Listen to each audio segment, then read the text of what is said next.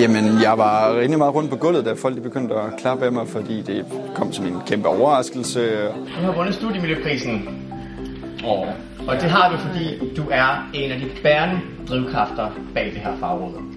Og modtaget den her pris lige der, og det var jo bare vildt at se alle mine øh, venner og medstuderende, som der bakker op om det. Jeg er helt rørt lige nu, faktisk. og jeg kan ikke smile, uden jeg kan mærke, at det sådan vibrerer i hele ansigtet. jeg har nomineret Ulrik til Studiemiljøsprisen, fordi Ulrik har været den, der har grundlagt øh, vores sprogcafé, og Ulrik er den, der har arrangeret sprogcaféen. Men særlig vigtigt, synes jeg, er, at Ulrik var primus motor på Ukrainefestivalen, som forløb herude på KU i starten af maj. Men Ukrainefestival, det var ikke nok for dig, Ulrik. Du kørte Fagrådscafé, Sprogcafé, ikke bare én, men to gange om ugen. Du har øh, sammen med Danish Ukrainian Youth House været i gang med at få et bodyprogram op at stå med ukrainske flygtninge hertil. Mit næste mål i forhold til studiemiljø, det er at sørge for, at de ting, som vi har arbejdet med, at de bliver ved med at køre.